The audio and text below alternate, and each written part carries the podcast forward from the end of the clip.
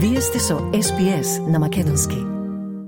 Председателот на Собранието Талат Джафери најави одложување на гласањето за уставните амандмани кои треба да бидат на дневен ред на Собранието на пленарната седница закажана за 18 август. Джафери верли дека расправата треба да трае најмногу 10 дена и дека не е врзана со чинот на гласањето, односно не мора веднаш по нејзиното завршување да се гласа. Председателот на Собранието пред новинарите рече дека ноември е крајниот рок за гласање, кога Европската Унија и Македонија треба да го завршат скрининг процесот. И во тој контекст формално, значи, Собранието ќе почне со работа на 18 а чинот на гласање дали ќе биде по завршување на расправата или ќе биде одложено, тоа зависи од конкретната состојба Председателот на ВМРО ДПМН е Христијан Мицкоски оваа изјава на Джафери ја толкува како купување време. Тој за новинарите рече дека пратениците на ВМРО ДПМН ќе присуствуваат на пленарната седница на 18 август, но дека ќе гласаат против потребата за отворање на уставот. Борбата е како да го поминат месец август и дополнително да манипулираат со, со граѓаните и со јавноста, бидејќи се под притисок за избори на есен а избори на есен за делот владините министри кои што се дел од помалиот коалиционен партнер СДСМ ќе значи крај на нивната политичка кариера. СДСМ пак изминативе денови ги повикува пратениците да гласаат за промена на уставот, зашто во спротивно, како што тврди оваа партија, следува изолација. Доскорешните пратеници на Дуи Изет Меджити и Мерита Коджаджику и пратеникот Кастриот Реджепи, кои најавија формирање ново политичко движење преку видео на социјалните мрежи, соопштија дека од вчера ќе действуваат како независни пратеници во собранието. Актуелниот подпредседател на БЕСА Арианит Ходжа, заедно со пратеникот Бастри Байрами, и нивните поддржувачи се одцепуваат од матичната партија. Од вчера ќе действуваат како посебна политичка формација по најавите за соединување на движењето Беса, Алтернатива и новото движење на Изет Меджити во така наречениот опозиционен блок. Според Ходжа, кој е поранешен министер за земјоделие, Со нивното здружување, како што рече на пресконференција, ја одржувале власта на актуелната политичка гарнитура, а тоа било спротивно на политичкиот курс за кој се залагале членовите на БЕСА. За разлика од минатото, овој пат поделбата се случува поради убедување, а не поради калкулација, моќ или позиции внатре во партијата.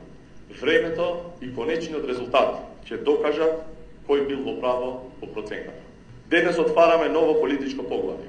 Ние сме организирана структура кој во периодот пред нас ќе работи во полн обем и јасна политичка артикулација со дефинирани цели и јасна визија за еднината на граѓаните и државата. Ходжа потенцира дека преку нивниот пратеник, кој во собранието веќе действува како независен пратеник, ќе ги поддржат уставните измени за да се отвори патот на земјата за членство кон ЕУ.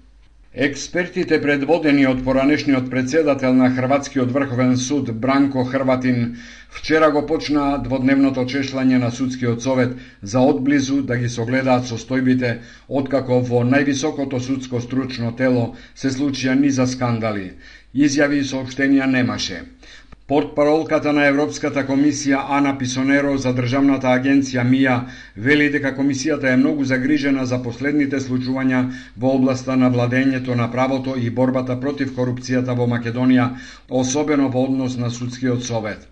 На дводневниот мониторинг само се утврдува што ќе се најде под лупа на мисијата, а веќе во септември судскиот совет ќе биде анализиран од поголема група експерти од повеќе европски држави.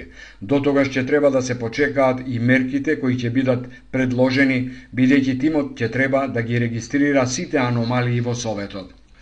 На вчерашната собраниска седница за пратенички прашања најмногу престрелки се разменија околу концесиите за рудниците во Струмичко и Ловица Штука.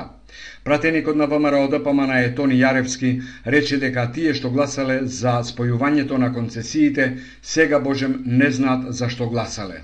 На седница на влада кај што виделе сите присутни, малте цела оваа страна овде, предводена од премиерот, имале дополнителна точка на дневниот ред, предложена од министерот за економија за спојување на концесиите за истите рудници што првишно од 2006 година биле дадени.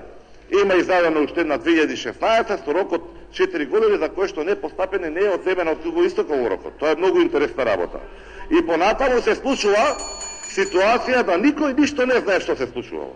Министерот за економија Крешник Бектеши, откако завчера објави дека се поништува одлуката за спојување на концесиите за рудникот, вчера одговорницата му возврати на Јаревски одговорите да ги бара во својата партија, бидејќи, како што истакна тој, на голем дел од документите стоеле подписи од функционери на ВМРО ДПМНЕ.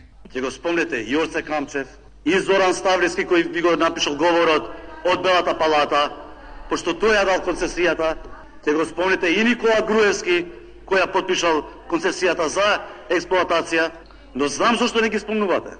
Заради тоа што ми изгледате како водовод, како цевка на водовод.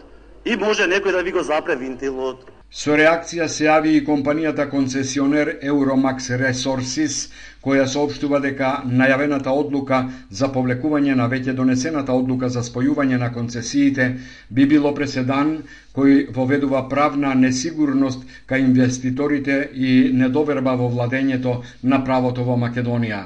Поради тоа компанијата најавува дека ќе ги искористи сите правни лекови во државата, а не ја исклучува можноста за покренување меѓународна арбитража во Вашингтон. Вчера по подолго оболедување почина македонскиот композитор Кире Костов. Костов е роден 1949 година во Битола. Автор е на 50 на оркестарски джез композиции. Од областа на популарната музика има околу 300 наслови како композитор Летај галабе кога те нема, Твоите очи сине, Синот Божи, Тајно моја, Илузија и многу други и уште толку како аранжер на композиции на други автори.